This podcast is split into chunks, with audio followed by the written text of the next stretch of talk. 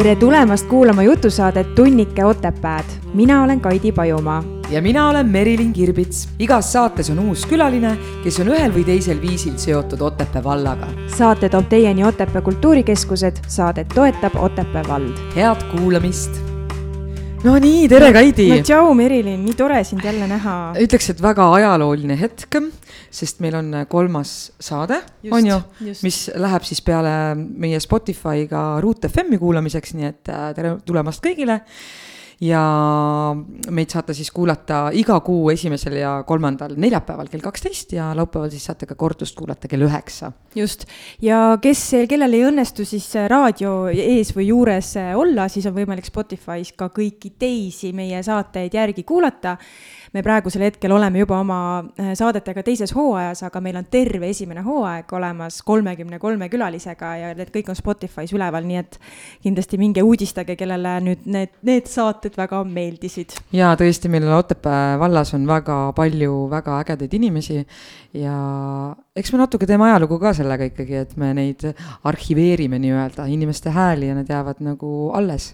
jah, et igal tegevusel peab olema mingisugune väärtus, kas me loome läbi selle väärtus või me teeme seda missioonitundest ja, ja see Tunnike Otepääd kindlasti on äh, meile Meriliniga üks nendest. me saame olla ja. väike, väike osake nagu mhm. sellest mm -hmm. ajaloost võib-olla. me võiksime vähemalt, me vähemalt kujutame ette, et see võime mõelda vähemalt niimoodi, meil endal nagu parem elada, kui me meil on kergem südametunnistusega magama minna aga nagu ikka.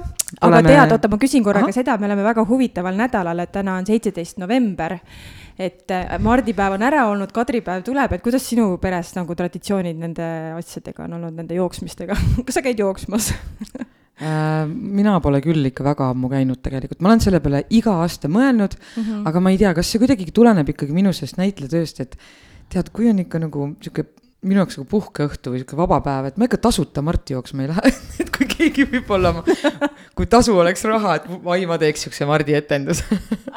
Ei, kindlasti ma arvan, et äh, võib-olla kui oleks, äh, see on ikkagi selline äh, sihuke kommuuni või sellise mm -hmm. nagu äh,, kuidas ma ütlen, nagu. kogukonna. ja just sihuke mm -hmm. kogukonna tegevus mm -hmm. või mhm. sõpruskonna tegevus või kollektiivi tegevus, et, et võib-olla ma olen liiga rändav ka selle jaoks, et kui mm -hmm. mul oleks kuskil mingi kollektiiv, kellega selliseid asju ette võtta, siis ma ei tea, noh siis kindlasti teeks nagu. aga. aga, jaa me ei ole täna siin jälle kord kahekesi ja meie tänane külaline on ajaloo ja ühiskonnaõpetuse õpetaja, kellel on lisaks huvile vanade aegade ja asjade ning poliitika vastu hobideks koorilaul, rahvatants, klaver ja orelimäng ning käsitöö ja muudki.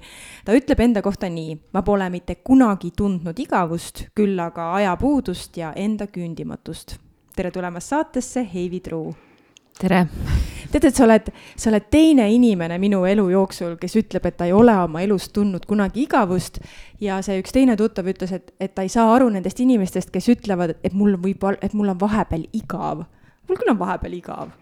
sama, mul ei ole kunagi igav minul ei ole ka ja mina ka ei mõista seda, et äh, mul on mingid sõbrannad, ma mõtlen, et oleks mul ometi aega tegeleda hobidega, nagu poodikud, käsitööd seisavad kuskil nurgas, poodikud, kindad, sokid, kõik asjad nagu, oleks aega, ma tahaks maalida, ma tahaks kitarri mängida, ma tahaks äh, fotopilte teha, ma tahaks kõike teha. ma saan aru, et sul on samamoodi, Heivi? jaa, muidugi.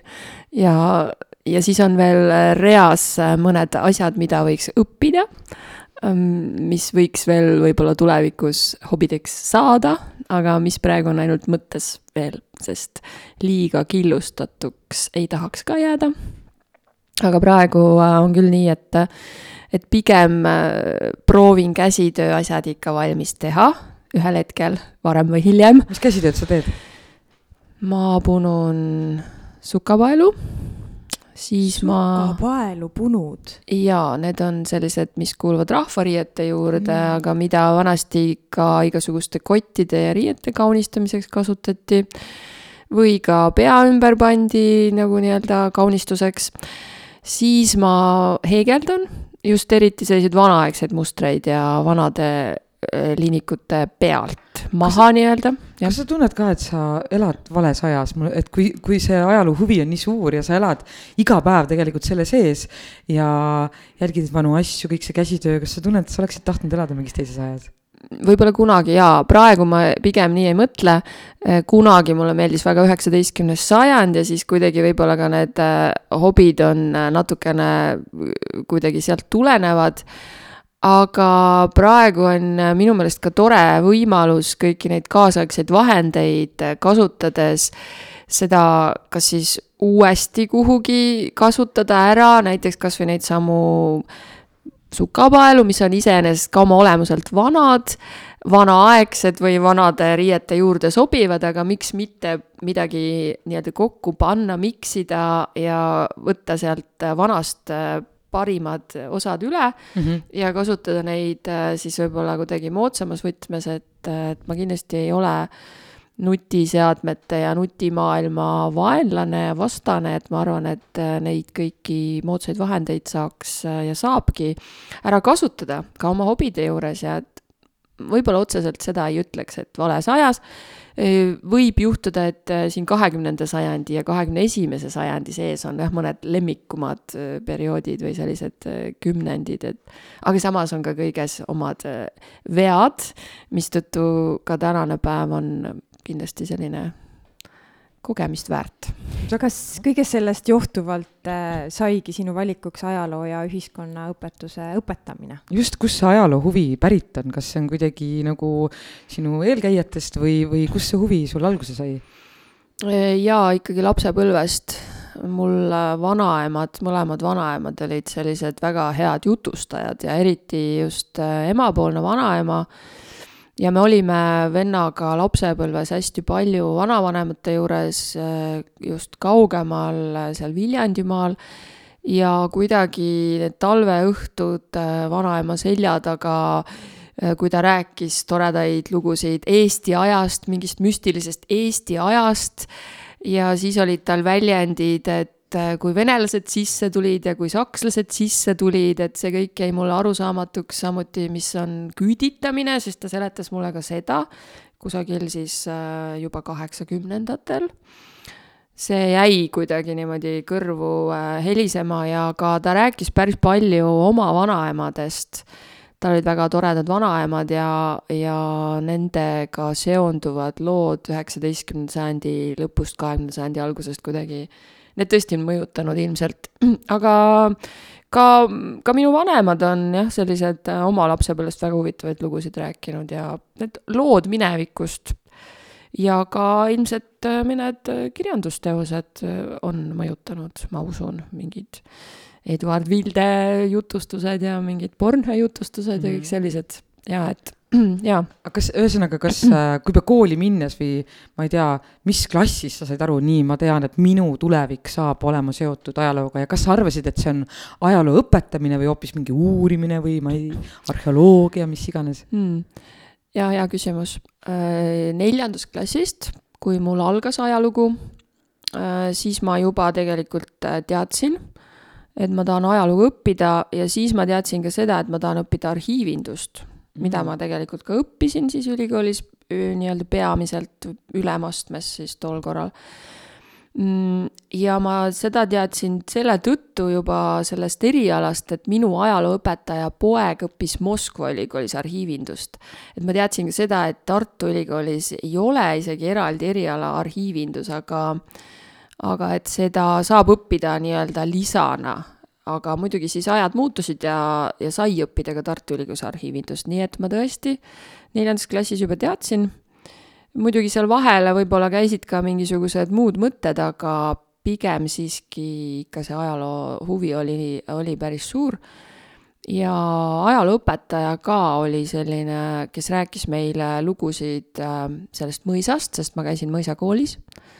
ja see ka mingis mõttes mõjutas ja väga tore oli kujutada ette, kuidas seal mõisapargis siis kõik see elu käis, sest et meie koolitee oli mõisa alleed pidi. Ja teine asi, et me hästi palju ka pidime mõisapargis töötama, küll riisuma lehti ja, ja, ja siis me pidime muidugi puid laduma hästi palju, sest et koolimajas oli meil kakskümmend kaheksa ahju mida oli vaja iga päev kütta ja poisid pidid neid puid seal kandma ja mõnes mõttes selline raske, kõik pidime olema valmis selleks, et äh, on vaja puit võib-olla natukene tassida või laduda. ja, ja tegelikult äh, me teadsime ka midagi ahju kütmisest, kuigi paljud meist elasid äh, tollal keskküttega korterites, aga siiski see mõnes mõttes näiteks mõjutas meid küll, et äh, kui me tahtsime õhtul teha klassiõhtut, siis me panime ikkagi hommikul tuleahju klassis, selles mõttes, et ahjudel siibreid ei olnud seal, polnud üldse, see kõik läks nagu nii-öelda otse korstnasse, koolimaal ei saanud siibreid olla, kuna kuna tegelikult see oleks olnud ohtlik, keegi oleks võib-olla selle siibri kinni seal lükanud ja ja siis me ikkagi vaatasime, et klass on maru külm, et äh, me siis teeme endale soojema klassiõhtu ja siis oli selline harjutused iseseisvaks eluks äh, ahjude ja, ja kõikide muude töödega tulid sealt koolist ja ja mingis mõttes ka see küttis veel seda ajaloohuvi ka, ma ütleksin rohkem juurde. kohe tuleme selle ajaloohuvi juurde tagasi, me teeme siinkohal väikese pausi.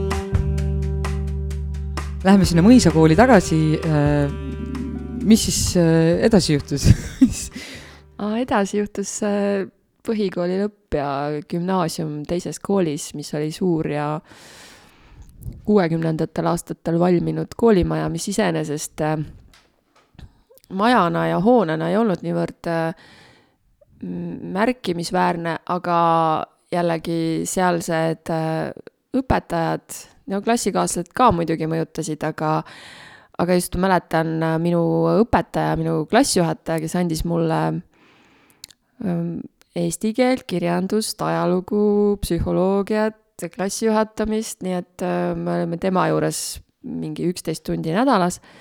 tema mõjutas küll hästi palju, sest et ma mäletan, kui ma ütlesin kümnendas klassis esimesel klassijuhataja tunnil, mil ta küsis, et mida te soovite kõik edasi õppima minna, sest ega gümnaasiumi ei ole ju mõtet niimoodi tulla, et sa ei taha edasi õppida mm. -hmm ja kui mina ütlesin talle, et ma tahan ajalugu õppida, siis ta vaatas mind suur, suurte ümmarguste silmadega ja arvas, et äh, see on võib-olla pisut äh, ootamatu, aga samas, kuna ajad olid juba muutunud ja Eesti Vabariik oli juba taastamisel, siis see ei olnud enam ka nii vale mõte võib-olla.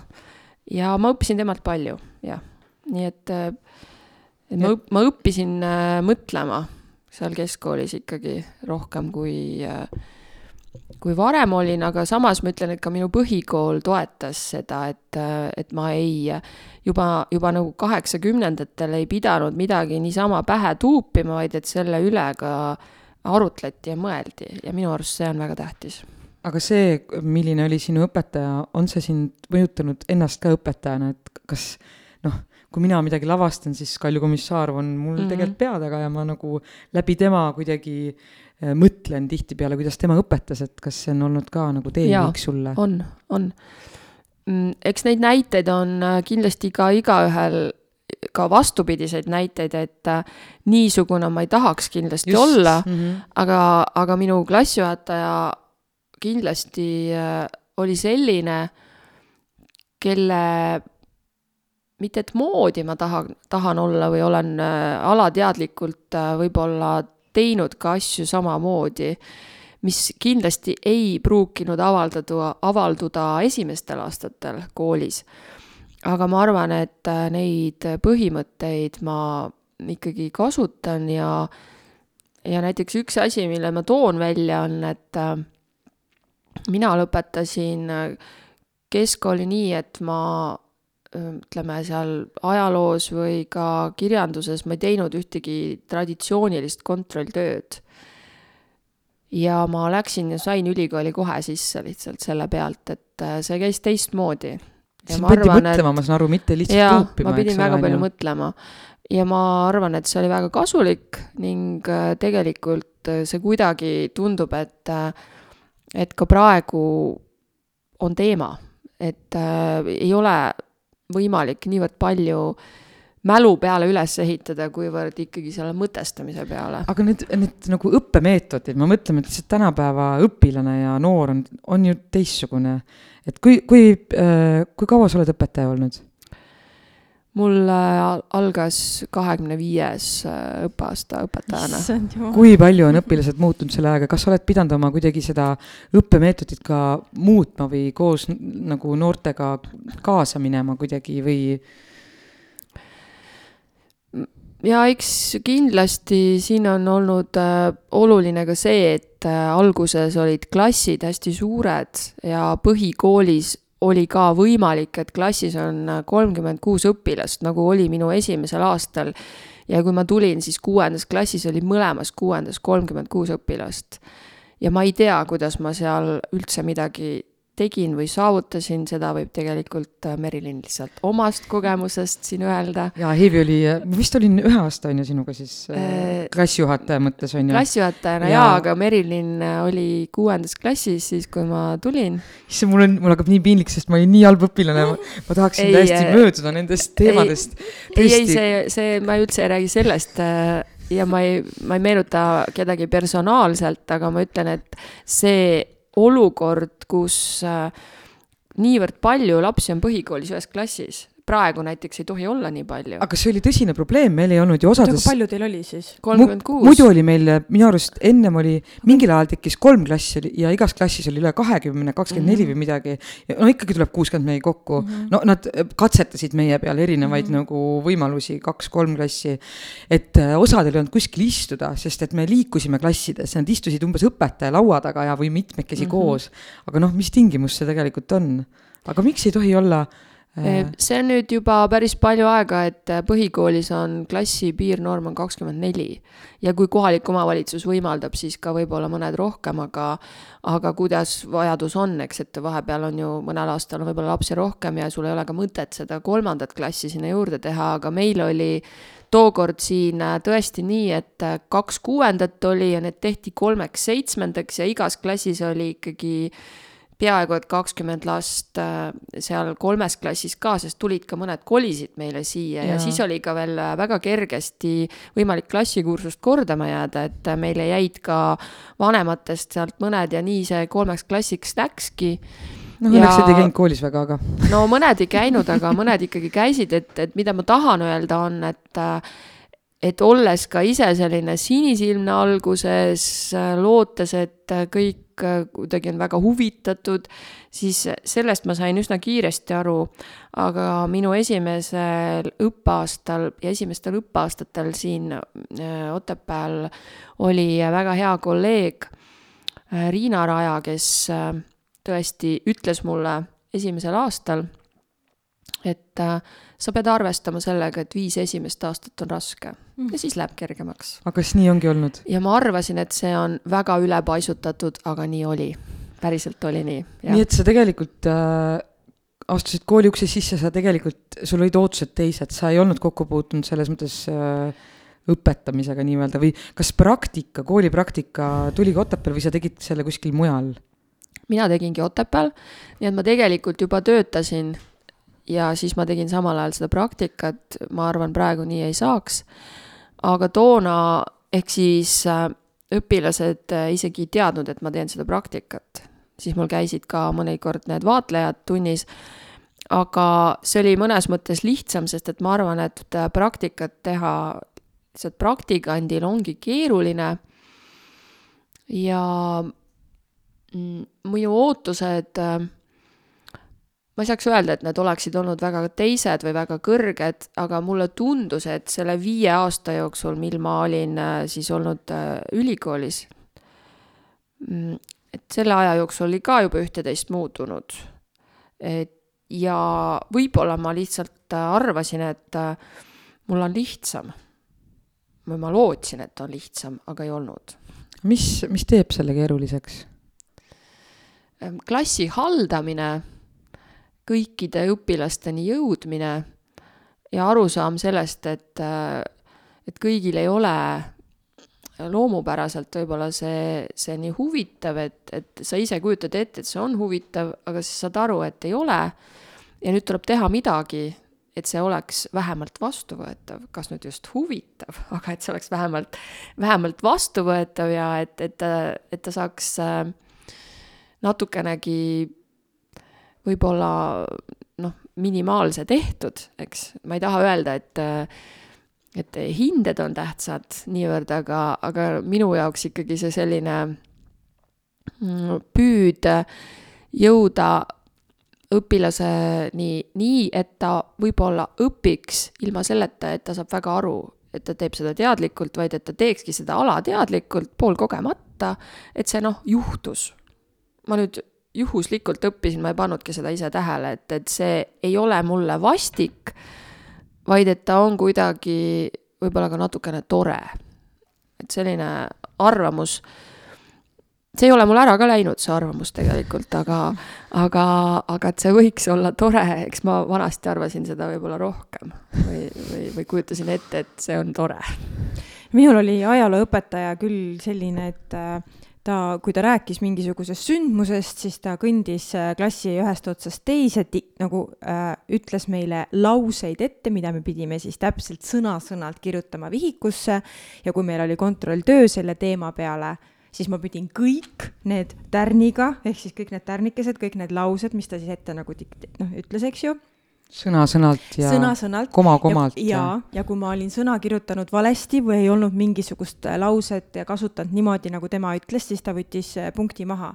nii et reaalselt mul oli ajalugu kolme ja nelja vahel, sellepärast et lihtsalt tal ei olnud point selles, kas ma sain asjast aru mm, -hmm. kas ma oskasin talle seda sündmust äh, jutustada, isegi kui mul olid kõik kuupäevad ja aastaarv ja kõik oli, oli noh, paigas ja õige vaid lihtsalt see, et kas on nüüd seal viisteist tärnikest või oli kümme tärnikest ja ma nii mäletan seda frustratsiooni, mida ma tänaseni kolmekümne viie aastaselt unenäos unedes näen, et ma olen kontrolltööl, mul on ajaloo kontrolltöö ja mul ei tule see viimane tärn meelde, mul ei tule see viieteistkümnes lause meelde. sai trauma ikka. täielik trauma, mis tähendab seda absoluutselt mind, noh, ma ei, ma ei ole suutnud nagu ajalooõpikuid absoluutselt kättegi võtta või mingisuguseid raamatuid või kui keegi hakkab mulle rääkima midagi ajaloost, ma tunnen, mul on kohe tõrge hmm.. mul on kohe nagu, et see on, see on, see on huvitav tegelikult, kuidas võib õpetaja täiesti vale metoodikaga tekitada lastes absoluutselt igasuguse huvipuuduse ja mõneti ka trauma, eks ju. aga kuidas äh, praegu on, et kas, kas tänapäeva noored mõistavad seda ajalugu ja maailma rohkem kui, ma ei tea, meie ajal? et äh, on see, on see huvi nagu tegelikult suurenenud? ja see Minu, arusaamine kuidagi?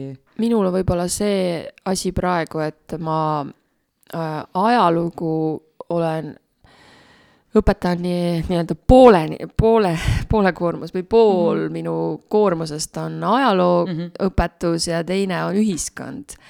ja ühiskond äh, pakub äh, võib-olla rohkem huvi ja ta tundub väga-väga siin ja praegu väga mm -hmm. oluline, väga tähtsad teemad on seal just, mis kõnetavad äh, praegu ka.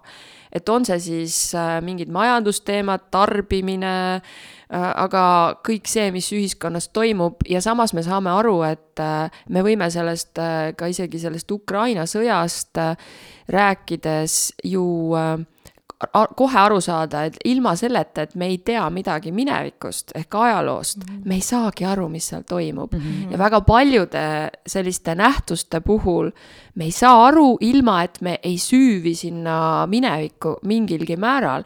ja see kuidagi, võib-olla see ongi natuke nagu selline sümbioos nendest õppeainetest, et, et see ühiskond tuleneb meie minevikust, et siis me toome välja, et heaoluühiskond, eks ole, see tuleb siin pärast teist maailmasõda, siis me jõuame selleni, et aga millal see teine maailmasõda oli, mis see üldse tähendas, mida see muutis, mida see Eesti rahva jaoks muutis, eh, mis need okupatsioonid olid, mis see Eesti Vabariik siis oli, siis me jõuame juba Vabadussõja juurde ja jõuame nagu nii-öelda taha, tagasi liigume, eks ole.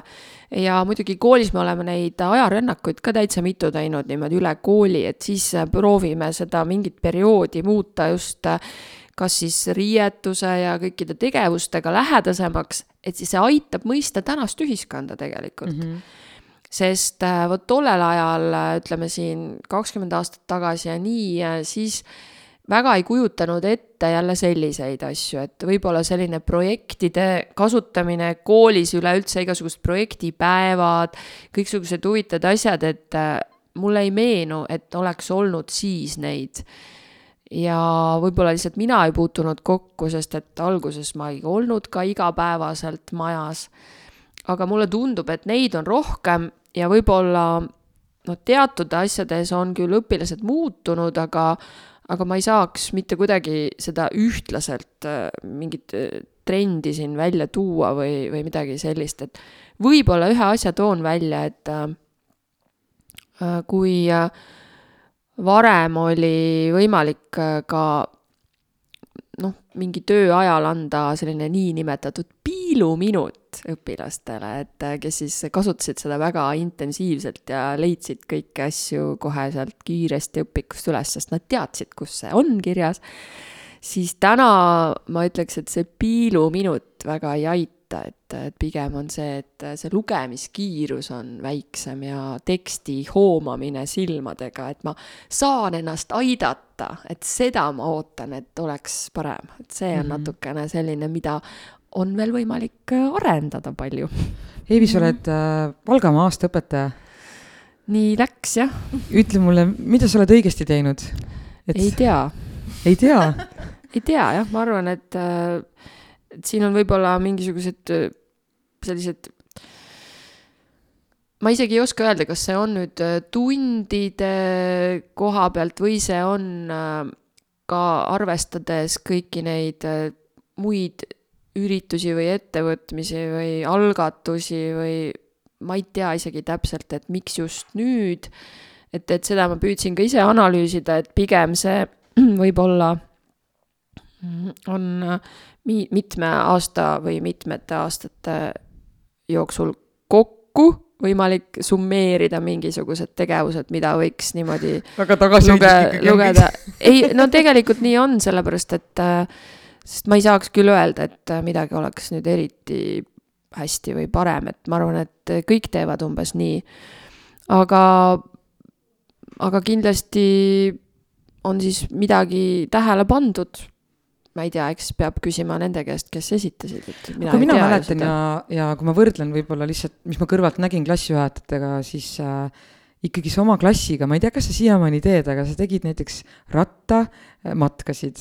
et, et, et see selline nagu tegevus väljaspool kooliruumi oli ka sinu jaoks oluline, et kuidas, kuidas see tänapäeval üldse võimalik on ja kas on mm? -hmm nojah, vot Covid võttis ju mm. ikkagi tegelikult paljud asjad meilt ära, et äh, ja ma käisin rattamatkadel, ma olen käinud kõikide oma klassidega ja oli üks klass, millega, kellega ma käisin viis aastat rattamatkadel iga aasta ja nemad tõesti olid väga-väga äh, ise ka huvitatud ja, ja tõesti Nendega ma siis käisin viiendast kuni üheksandani iga aasta.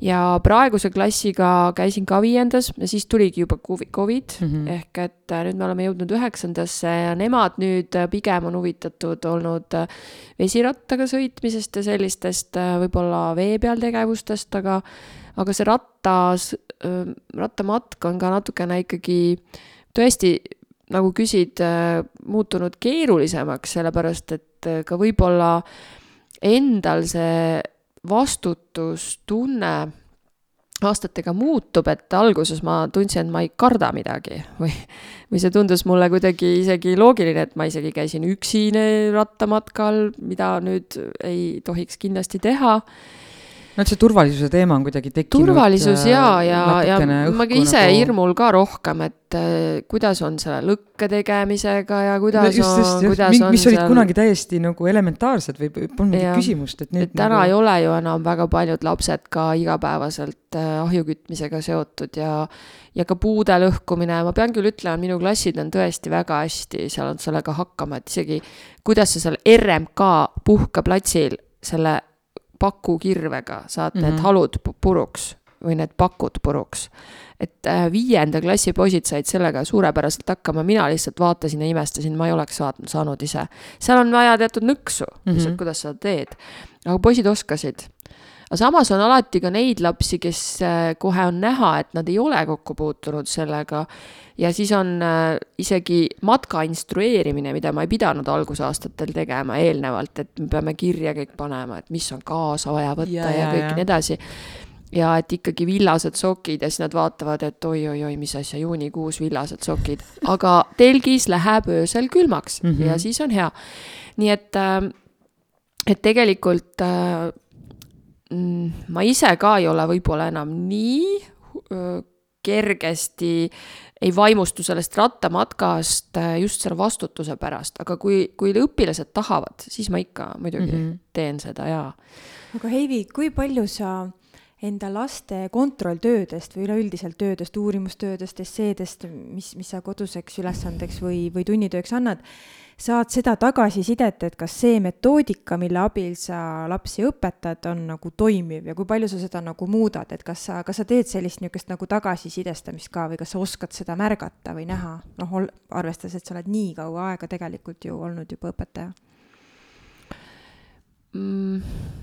kirjalikult äh, võib-olla seda otsesõnu ei küsi. jaa, ei, ma ei mõelnud, jah mm, kuid äh, ja ülikoolis ju nüüd ikkagi küsitakse igal mm. pool ja kogu mm, aeg, et okay. selles suhtes võib-olla seda peaks tegema, ma olen seda küsinud mm. -hmm. metoodika koha pealt ma, ma olen küsinud küll seda ja suuliselt, et, et kas see on arusaadav, kas mm -hmm. see on, kas ta, kas tahaks keegi midagi küsida mm. -hmm. et seda ma küll olen teinud ja siis mõnikord ka, kui on selline vastav, ma ei tea, mingi hetk, et, et, et siis seda räägitakse lihtsalt suuliselt, et mm -hmm.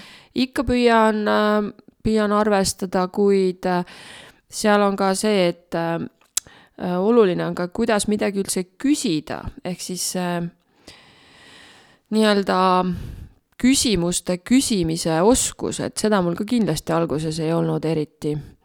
ja ma olen ka õppinud seda juurde, et ka, et neid küsimuste tasandeid ja ma ei saaks öelda, et see alati on hästi teadlik, see ka mingite kontrolltööde puhul. et see küsimus, küsimuste ülesehitus peaks olema ka niimoodi lihtsamalt raskemaks ja siis, et lõpuks jõuaks sinna äh, natuke kõrgemate tasanditeni ka nagu analüüsini ja sünteesini juba, et, et, et, et kas ta siis juba suudab ennast mingisugusesse ajaloolisesse rolli kujutada ette, et et mulle tundub, et sellised ülesanded äh, mõnele lapsele kohe väga meeldivad ja mõned kohe käivituvad sellest, et noh, kujuta ette, et sa oleksid keskaja, ma ei tea, Prantsuse talupoeg või keegi muu et, et, et need ülesanded juba nõuavad tegelikult natuke teisi oskusi mm, -hmm. kui sul on lihtsalt see, et mis aastal toimus mingi asi mm -hmm. ja, ja siis sa piirdud sellega, et. mul oleks see rollimäng kindlasti meeldinud, sest ja. ma tunnen, et, et ja. Äh, mul on faktide ja kõige nagu omandamisega raskusi mm. -hmm. et ma tunnen, et elus ma omandan ka asju läbi kogemuse. et ma pean äh, ise selle läbi tegema, siis see talletab mulle, mulle jääb meelde, aga mul nii tõesti noh, ei mm. -hmm. ja seda ma olen ka mitme õpilase puhul tähele pannud, kuidas äh, tal muidu võib-olla vastused jäävad hästi napisõnaliseks, aga vot sellistele ülesannetele oli ükskord kas terve lehekülg oli kirjutatud ja, ja ma olengi selliseid rollis kirjutamisi just kuuendas, seitsmendas sellistes klassides teinud, kus äh, kus ei olegi ju nii-öelda õigeid ja valesid mm -hmm., noh, võib-olla tõesti, et sa ei saa keskaega võib-olla seal kartulit mängu tuua ja nii edasi, on ju. mobiiltelefoniga mm,. ja, ja, ja, ja võib-olla seal pead natuke vaatama, et äh, mis asjad olid olemas ja mis ei olnud, aga see ka omamoodi õpetab, eks, et siis ma mõtlengi, et aga kas seda ta sai kasutada või ei saanud no ma võiksin neid asju rohkem teha, praegu mõtlen ka, et. kui läheb päris draamaõppetunni läbi, selle võiks mingit ajaloomaterjali jumala äge oleks käsitleda. näiteks kuuendas klassis mängida. Äh, me tegime, oleme teinud neid, noh, ütleme ühiskonna erinevad kihid, vaarao, preestrid, kirjutajad, talupojad ju, lõpuks keegi on ori, et noh, loosime mm -hmm. välja, et kes mis rollis on, et. et siis on ka natuke nagu sellist stsenaariumi vaja, et siis õpilane küsib, aga mida ma peaksin ütlema mm -hmm., noh, siis tekibki küsimus, et aga no mõtle välja, mida sa siis ütleksid, kui sa oleksid vaarao mm -hmm., noh, et selles suhtes ega keegi meist seda teksti valmis ei kirjuta, aga ta justkui eeldab ja mõne lapse jaoks on see nii lihtne, et ta mõtleb selle teksti kohe käigu pealt välja ja tunneb ennast nii hästi selles rollis, ehitame mingi drooni veel sinna laudade peale ja nii.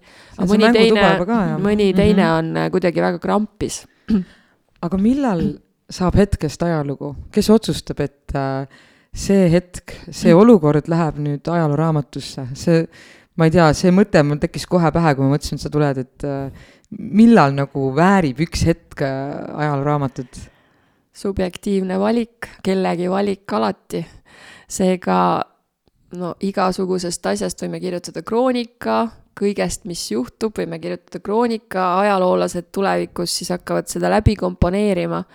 Ja nii nagu ka ise saadet sisse juhatades ütlesite, et äh, teete ajalugu kolmandas saates, mis äh, juba on teistes kanalites esitatav, et siis võiks öelda, et see on ka ajalugu, mida teie teete igapäevaselt, et äh, mm, seda vastust mul ei ole, ehk siis, et õpilased küsivad ka seda, et kas minu eilne päev on juba ajalugu.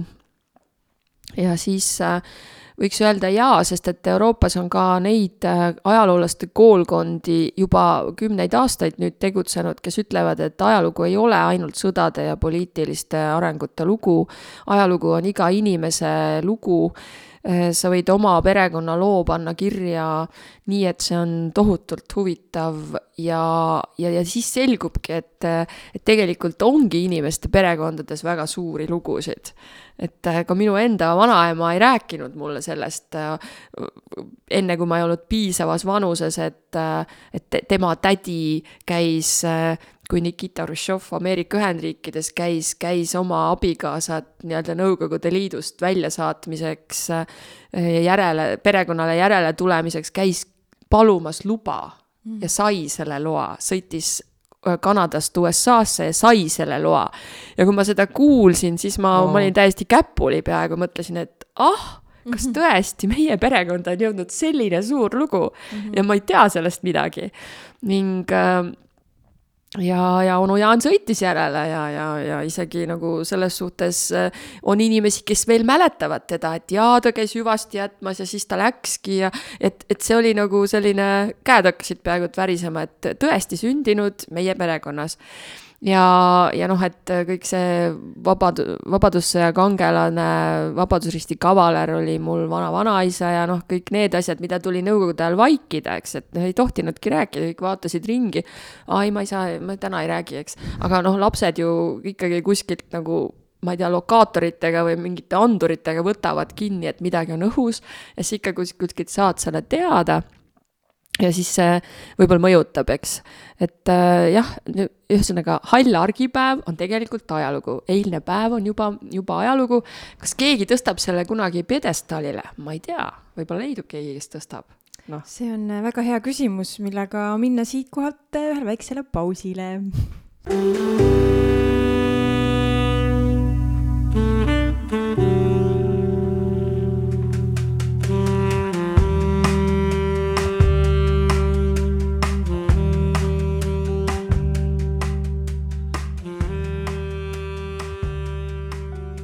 oleme jõudnud tagasi, tead, Heivi, ma just mõtlesin seda ennem, kui sa rääkisid oma perelugu, et kas see on kuidagi sind inspireerinud seda kõike äkki kirja panema, äh, kirjutama oma perelugu, oma suguvõsa lugu, kirjutada raamatut, mida on võimalik välja täitsa anda?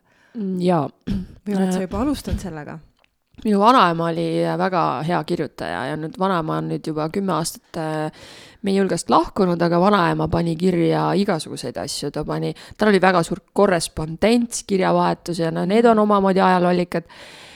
ja ta on oma eluloo kirja pannud ja ta on oma nii-öelda selle taluloo kirja pannud, mis oli siis äh, tema isa saanud Eesti Vabariigilt ja nii, et äh, jah, ma olen selle vanaema kirja pandud äh, loo siis ka arvutisse pannud ja ka pildid valis vanaema veel ise välja, nii et äh, jah, see on olemas. me pole seda välja andnud, võib-olla veel, aga, aga minu vanavanaisa mälestused on juba trükis välja antud, üks sugulane toimetas need äh, toimetas need ära nii-öelda, aga natukene muutis seal seda teksti võib-olla selliseks tänapäevasemaks, et minu vana-vanaisa juba kirjutas oma mälestused üles äh, kuuekümnendatel aastatel, siis kui ta oli tulnud vangilaagrist tagasi ja tal mitte midagi ei olnud, mida ta oleks kartnud, nii et ta kirjutas väga lahtise tekstiga mm -hmm. kirja ja mina olen väga palju neid mälestusi ka koolis kasutanud, ehk mm -hmm. siis, et see kirjutamise jah, huvi on, on mitu põlvkonda meil olnud ja, ja ma olen äh, ikkagi ise ka kirjutanud, aga mitte veel midagi sellist, äh, äh, mitte väga sellist hästi komponeeritud ja piltidega varustatud, sest olen olnud äh, viimasel ajal pigem seotud mingite muude raamatutega ja siis ka noh, meie Otepää gümnaasiumi raamatutega, et äh, praegu nagu enda asjade peale pole olnud aega kulutada. kas see on huvitav, et minevik tundub alati põnevam kui minu arust praegune hetk, et ma mõtlen, kas tulevikus inimesed ka nagu mõtlevad, et praegune hetk, et issand, kui põnev aeg oli eh,. minu arust ei ole nagu kuidagi nii põnev minu arust, ma ei tea mm,. no tegelikult ikka on, aga just, et kuidas sa seda vaatad ja no mõnes mõttes muidugi see olukord maailmas ka mõjutab, võib-olla teinekord midagi tundub ka võib-olla mitte väärt olema põnev mm, -hmm. kuigi ta tegelikult võiks olla põnev, sest meie mõtted äh, võib-olla tunnevad rohkem kaasa sellele noh, sõjale ja, ja kõigele, et või me, me lihtsalt kuidagi ei suuda keskenduda ka sellistele toredatele asjadele nii palju, või ehkki võiks mm. -hmm. jah, et äh, ma arvan, et tulevik on küll põnev, aga või, võib-olla kui me ju kõik mõtleme oma lapsepõlvele, siis meile tunduvad ka asjad seal äh, rohiroheline ja, ja mis kõik, et alati paistis päike mm. -hmm. mina näiteks ei mäleta, et oleks vihma sadanud. mina mäletan see... vihmaseid äh, päevi ka, sellepärast et siis ma sain panna selline maasikatega trikoo selga suvel ja lompides hüpata ja selle vihmase eest tantsida, et et mulle kohutavalt meeldis see ja ma olen enda lastega ka praktiseerinud seda, et kui on vähegi soe ilm ja vihma sajab, siis lihtsalt minge, minge möllake. ma mõtlen lihtsalt see mingi esivanemate lugu või perelugu, siis ma praegu mõtlen mingi oma pereloo peal tavalised inimesed, et, et kuidagi lihtsalt see, võib-olla see aeg oli lihtsalt teistsugune, milles sa elasid, see oli meie jaoks nii, nii erinev mm. -hmm. aga ma tahaksin küsida, Heivi, et miks Otepää mm? -hmm. juhus. juhus? juhus, suur juhus. nagu ei, mul ei olnud Otepääl mitte mingisuguseid seoseid tõesti. Äh, ma lihtsalt äh, jõudsin siia sel hetkel, kui ülikool ei olnud veel läbi, ehk siis äh, aga ma olin jäänud sinna ülikooli, ei saaks just öelda, et naudisklema, aga võib-olla ikkagi võiks ka nii öelda mm. -hmm. see tähendab, et sellel ajal oli nii palju vabadusi ja võis õppida ka isa, igasuguseid asju lisaks, et ma lihtsalt õppisin veel midagi ja ma ei saanud äh, nominaalajaga hmm. lõpetatud mm.. ja siis ma vaatasin, et äh, ikkagi stuudium venib, samas peaks nagu tegema midagi, sest äh, üldse ju ei olnud võimalik väga eriti kerge ellu jääda nii-öelda majanduslikus mõttes. sest jah, ja siis ma lihtsalt juba kuulsin, et Otepääl ei ole paari päeva jaoks ajalooõpetajat, et ehk siis nii-öelda poole koormusega. kuidas sulle meeldib Otepää? Otepääl mulle meeldib väga ja mulle väga meeldib siin võib-olla ka see mineviku tunnetus, et ma, ma kuidagi tunnetan hoolimata sellest, et kas nii-öelda see tänapäev kas see on mingisuguste poliitiliste tõmbetuultega või mitte, aga mulle siiski see mineviku tunnetus on hästi oluline siin ja noh, mulle tundub, et ka siin on tegusad ärksad inimesed, siin on kuidagi see talvepealine kuvand ikkagi äh, on mingil määral mõjutanud siinset elu mm. -hmm. ja võib-olla, võib-olla ka neid lapsi, kes on koolis, ehk siis nende perede lapsed, kes on siis koolis, et äh, ma arvan, et nad on äh, sellised piisavalt äh, ettevõtlikku vaimu on seal mm. -hmm. meil hakkab vaikselt, liigume kiirel sammul saate mm -hmm. lõpupoole, et ma, kui me jätaks korraks selle õpetaja ameti mm -hmm. ja ajaloo huvi kõrvale, et kes on Heivi kõige selle taga? No ega mul ei ole nii lihtne isegi seda võib-olla öelda, et äh, võib-olla lihtsalt üldiselt selline kultuurisõber või, äh, või siis no hariduse sõber kindlasti ka, aga ma ei, ma ei oska ennast väga lahutada sellest, et. okei okay,, ma äh, küsin, et millega sa ennast maandad? räägi tead see... muusikast oma elus, sest äh, sa mängid orelit et see on minu arust väga huvitav, see ei ole selline nagu, et igaüks mängib siin klaverit või kitarri, et mm -hmm. kust see ja miks ja no, no ma olin, olen laste muusikakooli lõpetanud ja klaverit mänginud no ikkagi suurema osa oma elust ja jõudsin rahvatantsu saatmiseni, rühmade saatmiseni juba lapsepõlves. ja siis siin Otepääl ma hakkasin sellega ka tegelema, nii et ma tegelesin juba oma, oma nii-öelda lapsepõlvekodus sellega.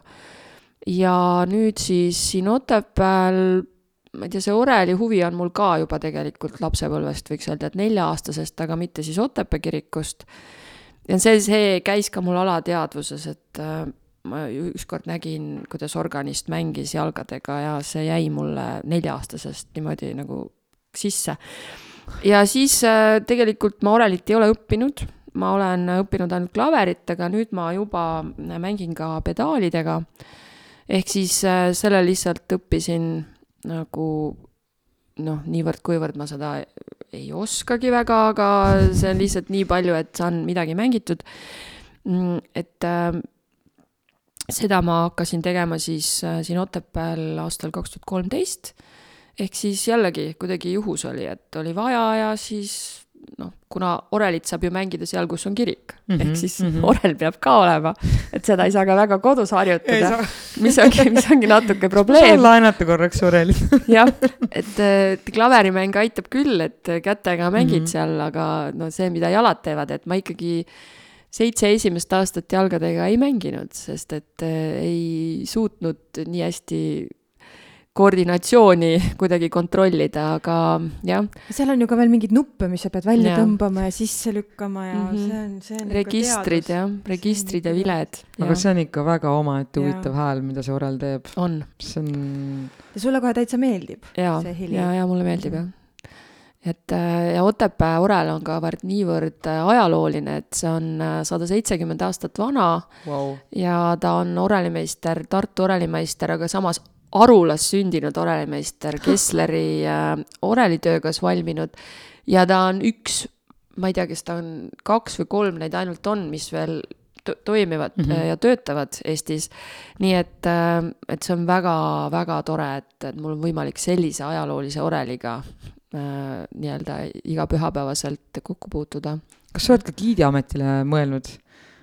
olen ja olen ka seda oma sõpradele teinud ja noh, vahepeal lastele ka, kui on vaja, aga mitte ei ole jõudnud selleni, et, et seda kuskil läbida mingit koolitust või eksamit, et seda ma ei ole.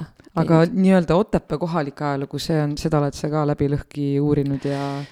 ma arvan, et ma siiski seda nii hästi ei tunne, et see on, mis on külge jäänud, et äh, siin on olnud inimesi, kes on väga palju mulle Otepää elu tutvustanud ja rääkinud, et mm -hmm. siin kindlasti Asta Kreevaltit tõstan esile ja ja, ja, ja no jälgin, huviga olen jälginud, mida Ene Pooland on teinud ja, ja, ja selles suhtes nagu nad, noh, tema on ka suureks eeskujuks et ta Ene, Enega on meil ka tegelikult saade salvestatud, nii et kes tahab teada, kes on Ene Pooland, siis otsige üles just, ja väga toredasti on ta Otepääd tutvustanud ka äh, gruppidele. Aga Heivi, olemegi jõudnud kohe-kohe lõpusirgele, ma küsin sult äh, ühe küsimuse, mida me küsime kõigilt meie saatekülalistelt. on sul mõni mõttetera või mõte või tsitaat, äh, mis on sind saatnud kas siis läbi terve sinu elu või millele sa mõtled siis, kui ei ole olnud kõige kergem päev?